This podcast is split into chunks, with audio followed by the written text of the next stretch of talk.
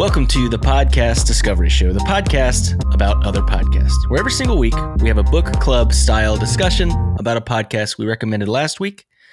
And at the end of the episode, we're going to recommend a brand new episode, and we're going to talk about that one next week. I'm Kirk.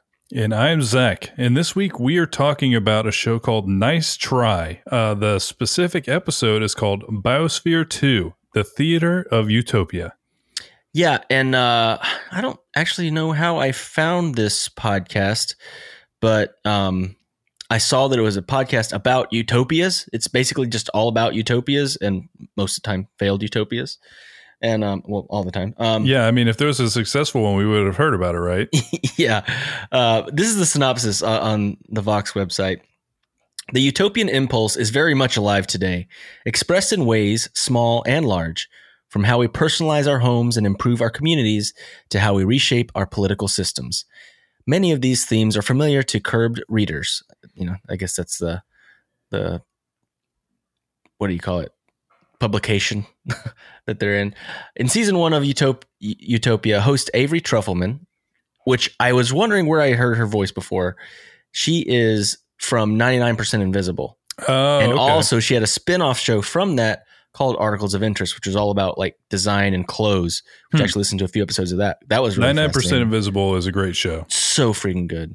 Um, anyway, the show re-examines some of history's most fascinating attempts to build more perfect communities, including the capital city for a newly democratic India, an integrated mid-century suburb suburb outside Philadelphia, and a self-sustained closed ecosystem in the Arizona desert. And that last one is the one we're going to talk about today, Biosphere 2. And hilariously, I asked you when you first recommended this, is it like the Pauly Shore movie? Yeah, it kind of is like the Pauly Shore movie. It's very I mean, I, to be honest, I don't think I've seen Biodome uh I don't think I've ever seen it all the way through, even as it's a not kid. it's not really like worth it, but it's there. it is a movie. And I did also see, quick side note, they did make a Hulu original, and I can't exactly tell if it's like a dramatization or a documentary about this. About really? yeah, about Hmm. this actual about the biosphere too. So the name of this movie is called Spaceship Earth and it's a documentary. So this is like if you kind of like the story of this entire thing, you can check Spaceship out a documentary about it called Hmm, that's Spaceship my- Earth. That's one of my favorite rides at Epcot. Yeah, it's actually they just ride that ride and that's the whole movie. I would watch that. Why? That's not even a good ride. I mean, it's a It pretty is good, a good ride. ride. It's, an okay great ride. Okay, it's okay. It's it's okay. It's like if taking a nap were a roller coaster. Sometimes you got to find somewhere where there's good air condition and there's might be a little bit of entertainment when you're at Disney. there's a lot of times where you're like, ah, I need that. Yeah. There was a ride that had Ellen DeGeneres in it that was like a 50 minute ride, uh, which was insane. It was called like Ellen's Energy Adventure or something. Wow. And it moved, but very slowly, and it was all A- AC. The best place to take a nap. it was great. How do they make a 50 minute Ellen DeGeneres ride? I mean, it was early 90s. They didn't, I mean, things were a lot different apparently. They're just winging it. Well, we are off topic. We are completely off topic. Um, but Biosphere 2 is, I, I mean, it's fascinating. And we talked about a little bit about it in Todd's and the founder of it and everything. But it's, how do you even explain it? It's, it's the brainchild of this guy, John Allen. And he, an insane dude, crazy background and he had this idea to basically have all of these different biomes inside of a greenhouse essentially. And yes it is the brainchild of a rich white dude. Uh, and he made friends with this very rich white dude called ed bass uh, who was like this multimillionaire. They didn't even say like he was he may have been a billionaire. Like he just they He said he had have been. limitless wealth. Um because this thing all said and done was a quarter of a billion dollars Yeah. uh, so it was like over 250 million dollars uh it's ridiculous um but this place was fascinating it had a rainforest a savanna a desert a marsh, an ocean, and like an agricultural area for farming. And it was all run by eight people. And there'll be links in the show notes, but you got to see how big this place is. It's way bigger than I imagine in my head. Because I think my issue is I was imagining what I remember from Biodome. it's not really. It doesn't look like Biodome. It doesn't look like Biodome. It looks like really. fancy Biodome. But it was a. I mean, like I said, there was eight people ran this whole place. You know, the ocean, uh, all the farming, and they were just some they were just adventurous researchers. They weren't even scientists. I don't think any of them were trained as scientists but they kind of pitched this as like this giant uh, leap forward in in science and they were going to do all these experiments and stuff. And more than anything it became more of like a uh, uh, psychological experiment for these people uh, that got in there. Because they said they were going to do it for two years. That they were going to be in there for two years they weren't going to open and they weren't going to take anything from the outside or anything like that and to be honest, I, I was kind of fascinated that they did make it. They made it through that two years. Yeah, barely. But barely. not without a crap ton of drama and yeah. a ridiculous amount of uh, hardship. yeah, and this all started in 91 and yeah, like you said, they they wanted it to be a completely self-contained system. They wanted to essentially they had carbon sinks in there with like the rainforest and the trees they had all of these things where they were trying to figure out uh, uh some of this is just so incredible to kind of think about how they had to process this. So they're like, okay, well, we want to have flowers in there. So then we need pollinators in there. Well, bats pollinate things, but what do bats eat? And so they have to go down an entire food chain if they want one thing in there that can literally be a food item. And so they have to like process every single part of this. And when you start to look at, uh, we found a couple additional things, you know, because it really was just a ridiculous feat of engineering because yeah, they built no, really this, was. They built this entire thing. It was it, it, kind of as they go along, you're like, this is more and more insane. Like, uh, I don't see a way where they can really pull this off because you can't. How can you just close loop system this and survive? And literally, they ended up saying that all they were doing was farming because they didn't have pollinators, and so they were hand pollinating all their food. They would hand only pollinating kind of blew my mind. It's like what you just need yeah. a little bitty paintbrush and yep. just like touch this flower, touch that flower, touch this flower. Yeah, and that's were, how you hand pollinate. and, and not, they couldn't eat anything that was not like grown in there, and everything, all the water that was in there was recycled for two years. I will and say uh, in the in the Wikipedia for the what is it? Biosphere 2 um, which it's biosphere 2 because biosphere 1 is earth. So this is like earth the sequel is yep. what their concept was. Um, I, I will say i did like the idea where it's like okay if we want to go live on another planet we need to be able to replicate where we live now. So they were trying to replicate earth in a controlled environment uh, but they just didn't go about it in in the, a very scientific way. Uh, yeah, and they ran say. into really weird problems because yeah, one of their problems they had was they had just laid all the concrete. So underneath this whole thing is concrete, and then like Disney, underneath the concrete is the whole system of air conditioners and the things to move the air around. Literally, I don't. Did they talk about the lungs in the show? Mm-mm. So I found this additional article that just is kind of like little snippets about this place. They have these two sections called the lungs, which is literally, it looks like a giant membrane essentially. And the reason it's there is for when the air expands and contracts because of the heat, because they're directly in the center of the Arizona desert, is where they built mm-hmm. this. And if it was completely airtight and the air like at night got really condensed. And then in the morning when it expanded it could literally blow panels off the thing if it was airtight. So they made these things called lungs that are huge like room size membranes that had give to them so when the air would contract and expand it would just move with it.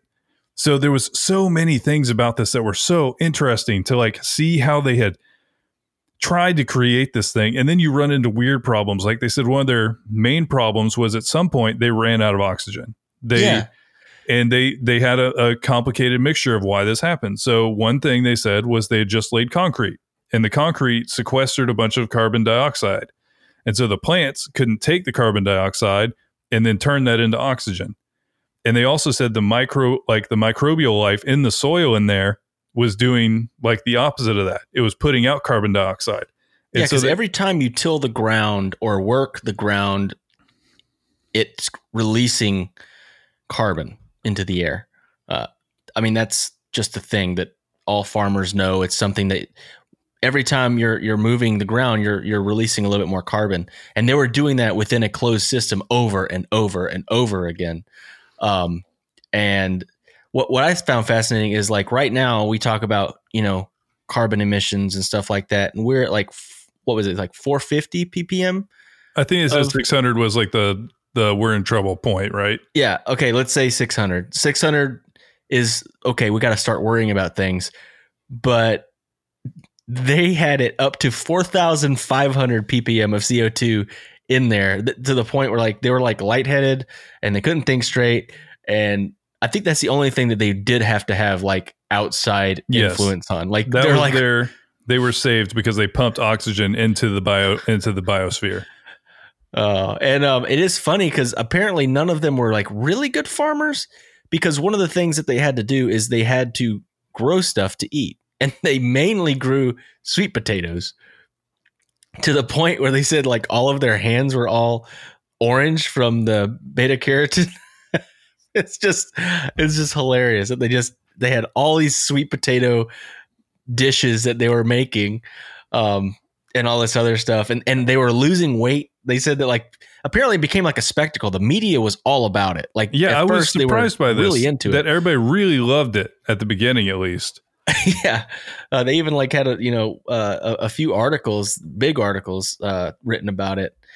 Um but then people started coming and watching and that became more of a an issue to the point where there was more pressure for it to be successful and almost i think that's when it got worse Yeah. because that's when they uh the pressure ramped up for kind of the what would you call it like the managers so the the money Mhm. guys The behind this whole project yeah, Yeah. were putting pressures on it and then the people inside were also feeling that same pressure Where they I find were it fascinating that John Allen, the leader of this whole like group, which this all basically started with like this almost not quite a cult because I did look into it. It's it was not quite a cult. It's just more like a commune type in community that um that basically where the peop these eight people came from that community, uh, and he was the leader, but he wasn't in there. He was one of the managers outside of the dome. He was the one kind of helping micromanage everything from the outside, but apparently he became like kind of power hungry and he would he was like anybody that wasn't a yes man he was just kicking them out. So there would people be like hey like we've got to do this. We got to put oxygen in here. Like you're fired. And it's just like yeah. um it was, it was just crazy. So there was there was a rift starting to grow between the people where like some of them were like we got to get more food. We're running out of food. And also we can't breathe. We need to go back out or get someone to, to send us some food. And other people were like well no we said we were going to do this. We got to be here for two years and nothing can come in or out and all this other stuff. So was kind of two camps and they still had to somehow coexist in this uh, environment that they had to take care of Yeah, apparently they didn't particularly like each other by the end, which I could uh, I could get that. I'd say that this is a pretty good catalyst for personalities and uh, being stuck and essentially surviving is what they were doing by the end. There was at one point where they were they were not planting seeds anymore; they were just eating the seeds. yeah So and apparently that was kind of like the the bombshell because at one point John Allen's like, okay, well, this has kind of gone off the rails. It's not as scientific as we want it to be. I'm going to put this board of experts together that are these scientists and get make this more scientific uh, to try to get. I don't know what their their goal was to get their money back or you know win I- or I- make money. I, thing. I don't get it I don't yet. see any way you make money here. Like there's just not. Uh, but so he gets this panel, and one of the people that was the dissenters called out somehow, and they're like, "Hey, man, like, no one wants us to say it, but we're literally eating the seeds, and we're gonna run out of food." And that scientist mentioned that in the big board meeting or whatever, and then all the scientists were like, "Wait, this is not what we signed up for. This is not okay." And that's kind of when everything kind of blew up on on the first seal as they call it, like the first lock-in of the people but somehow they made it all the way through that that's what's crazy Yeah, is that they, made it actually two- made it two years two years is a long time Oh, it's a really long time to be surviving on just like sweet potatoes and farming all day. Like that's hardcore what they were doing in there. It is like absolutely beautiful to look at though. I'll throw this in chat so everybody can take a look at it too. But it, it really is incredible to see what they wow, that link is terrible. I'm sorry. that is Um, a very big link but it's uh I don't know. It's just really interesting to see how they do this. And then I wonder how you like is this something where as you were hearing it, you're like, this sounds amazing. I want to go farm all day and just i was gonna ask biodome? you i was gonna ask you this if okay if you were young and didn't have anything to uh any responsibilities or anything at the time would you want to go do this It actually like as I was hearing about it and as I heard like what the plan was, yeah, it sounds kind of awesome. i think you know? i would do it but like I would rather figure out a way so that you can uh figure out some like food situation.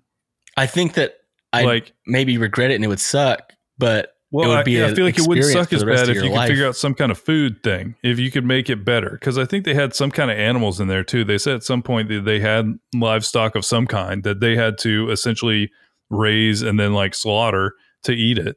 But like, it's just it seems very intense. But the entire like the amount of resources and effort put into this thing that has, I don't know how you could possibly make money off a test to see if you can make like hostile environment livable if you can just like terraform essentially that's wild. How do you make money off it? It's a great scientific thing but they spent 250 million dollars on this thing.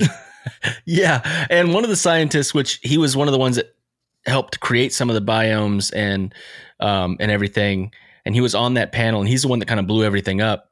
He said it was when he found out that they were eating the seeds and just everything had gone wrong that he realized basically all these people had like a theater background. They were all kind of like they were John Allen was a theater guy too. Like they did it was like a troupe.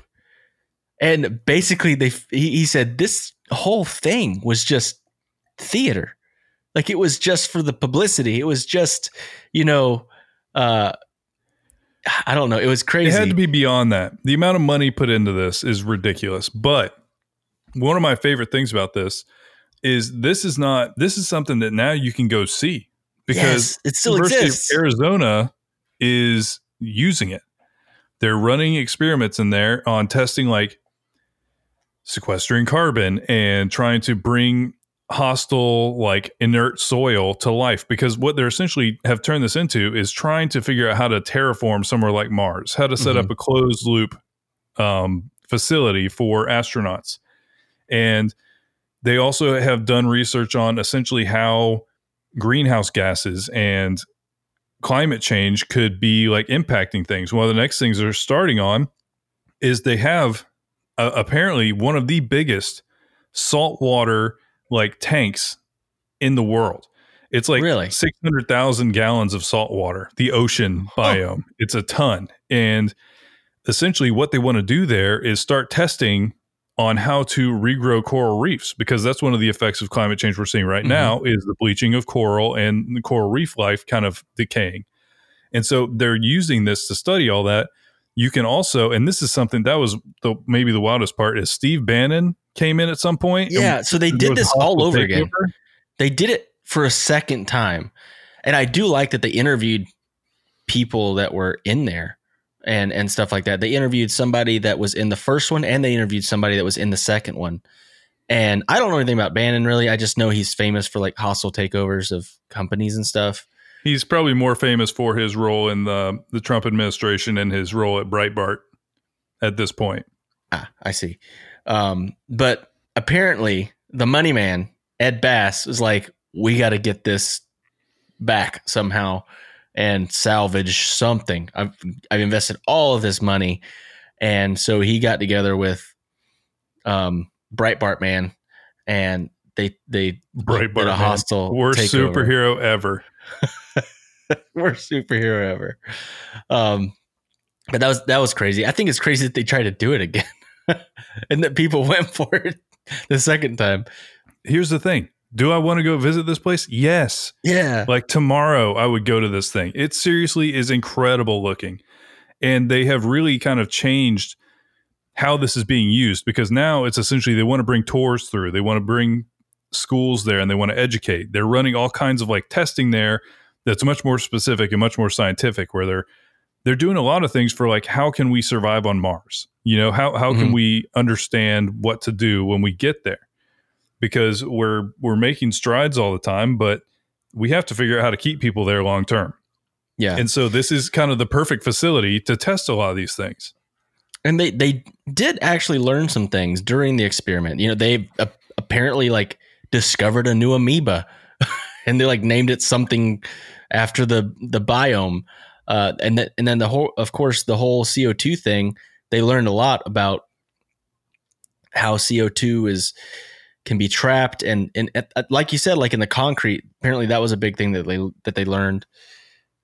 And also, it was a good like psychology experiment in a lot of ways to to to see how people will uh, interact with each other i- i- in enclosed spaces for two years. It's just it's such a long time. Yeah, it uh it's definitely something that sounds really fun to like do, but I think it was just grueling. So it's so crazy to like think about it because like essentially the they say in 93 so this would be I guess the second the second run um they would spend 12 hour like most of their 12 hour days just working in the fields and animal pens just to get enough calories for all the people in there.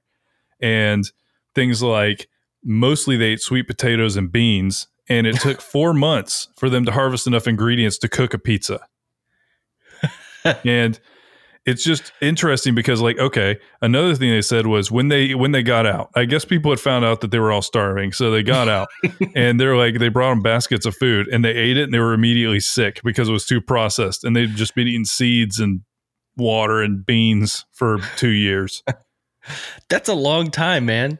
I, that's the thing is like I think I would want to do this. Two years is a long time to commit. Two- though. like it, that's it- a long okay. time.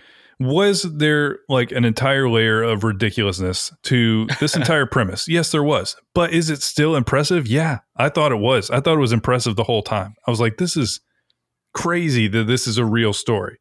And the like just like you said, how the how the podcast actually goes about explaining all this is awesome because they drop a lot of this knowledge on you about some of the behind the scenes stuff. They talk about the money things that were happening behind the scenes. They talk about the politics. They talk about the people in there. They get interviews from the people in there because one Mhm. went on to write a book also that is apparently a great way to kind of get some insight into the the people more so than just the the politics of it. Although I'm sure both come into play, but you get Yeah. to hear the perspective of somebody who spent ye- like years in there and had to work through these problems and had to survive and starve and all of this. So it's just they end up explaining and just kind of exploring this topic in such a awesome way that I I was hooked the whole time. I was like, I got to see this place, and then I looked it up. I was like, I got to go to this place.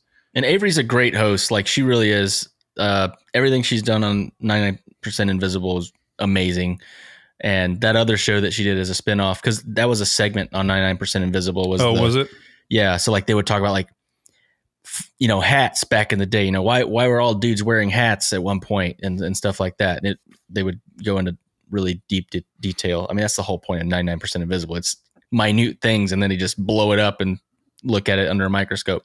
Um, It's a great but show. uh, it's it's it, she's she's always great at, at the the hosting, and um, this is no, no, exception. it was awesome. They talk about Jamestown. I almost wanted to do the Jamestown one because I remember going there in like middle school, but I don't Yeah, we were remember it good enough. You know Very what I mean? young. I, I don't remember any of it. Like I, I it's like a it, cloudy yeah. memory. uh, and then going. they talked they talked about uh, Disney you know, like Epcot, because Epcot was supposed to be a community. Like that was Walt Disney vision. His vision for Epcot was a, you know, experimental prototype community of tomorrow. It wasn't supposed to be a theme park with fake countries in it where you can drink around the world. Still great, It's but that wasn't niche. his vision. that was not his vision. People were supposed to live there and work there and all this other stuff. And um, so they talk about that and like celebration, which a lot of people probably don't even know about that, but it's a community used to be owned by Disney and made by Disney. And it's a very like, It's like It's fancy little- condos, though. It's not like a utopia. It's a little eerie. It they're not condos. Do you think these are like multi-million dollar homes. I know, but it looks like condos. Like I, I went over there one time, and it just it's not like I don't get it really. Like maybe It's I didn't go. Maybe there's a fancier part I didn't go There's to. There's a fancy part, but there is a not as fancy part.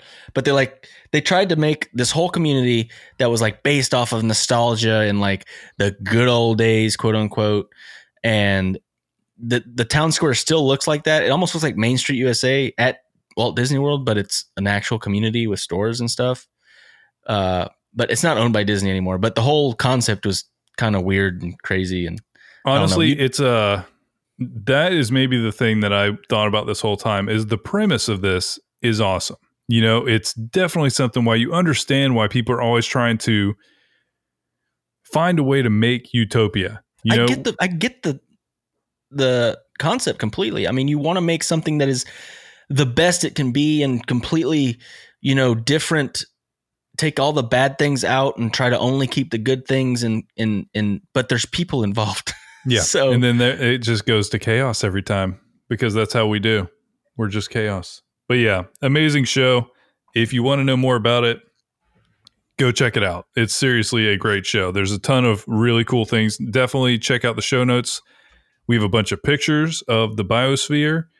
There's a lot of it, it seriously is an incredible feat of like engineering, even though it's ridiculous that they spent 250 million dollars on something that So it just money. won. Like what what So are- what's money. the game plan? Still impressive and amazing. But yeah, awesome show. So I have a recommendation for next week. And this one's going to be really fun because me and Kirk next week will be broadcasting from a haunted house in Alabama. Heck yes. And I found a show. It's not scary particularly, but it's just a great thing that we can do while we're on this Alabama vacation. And by vacation, I mean we're going to Alabama to get haunted We're gonna go ghost Um, hunting. there is a show that is produced by WBUR, which is NPR Boston. And the show is called Endless Thread. And what this show does is it breaks down different random uh, Reddit communities. So it, uh, it almost reminds me, like, structurally a little bit of like Reply All, where they Oh, deep dive on like a thing that maybe you don't know too much about. And so there's always these super niche communities within Reddit. And one that I, I just saw the name of it and I clicked on it and I listened to it and it was great the whole time and blew my mind constantly is called Randonauts. It's a subreddit Randonauts. called Randonauts. And it is a subreddit dedicated, Randy knots. not Randy Knots, not Smokey, not good old Smokey, but it's a, it's a subreddit dedicated to the app called Randonautica, which Randonautica, I'm just going to read you what it is. The world's first quantumly generated choose your own adventure reality game. Explore the world you never knew existed. And so what you do, I'm I'm just telling you what you do because this is what we're going to do when we go to Alabama Okay. you get the app, you put your location in, and you say whether you want like an attraction, so probably somewhere normal, or like something really off off the grid. And then you're supposed to think about something and like put your mind into the universe and it gives you a random location to go. Put your mind into the universe. What are you saying? I'm I'm telling you. My I'm like so confused. That's what I'm saying. There's there's a lot of crazy stuff about this. Apparently, some people think that this game or this application is really good at sending you where you need to go. I don't know if I believe that. I'm just saying that's what they're saying to do. But I that's guess what, we'll find out. that's what we're going to do. When we go to Alabama, we'll be talking to you from Alabama next time. and we're going to have a story about our Randonautica adventure. We're going to go somewhere. God, I'm a little scared where we might end up. They said to do it during the daytime, so don't be too scared. Especially when it's not somewhere we live and know very well. It's like, because if we did it around here, we'd be like, hey, that's behind the Burger King. Yeah, but that's lame behind the Burger King. That's a dumpster. No. But yeah, so this this podcast breaks down the subreddit dedicated to that application. awesome. Well, I'm excited to listen to it and I'm excited to Randy Knot or whatever it is. I mean, you can Randy nut or whatever you're talking about, but that's not what we're gonna do. Oh, said we're going to do it together, whatever this is. No. No, don't bring me into this. All right, guys. Thank you for tuning in for another fun episode of the Podcast Discovery Show. We will see you guys next week. And remember, There's always more to discover.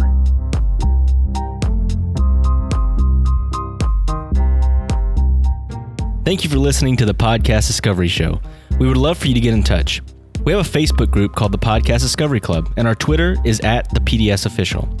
We also record the show live every Friday night at 8 o'clock on Twitch. We would love for you to be part of the show while we're recording it. If you want to support the show, we have a number of ways you can do that. From our Patreon to our affiliate links, they're always linked in the show notes. In the end, you support the show just by listening, and it means the world to us. So thank you so much for being a part of our journey.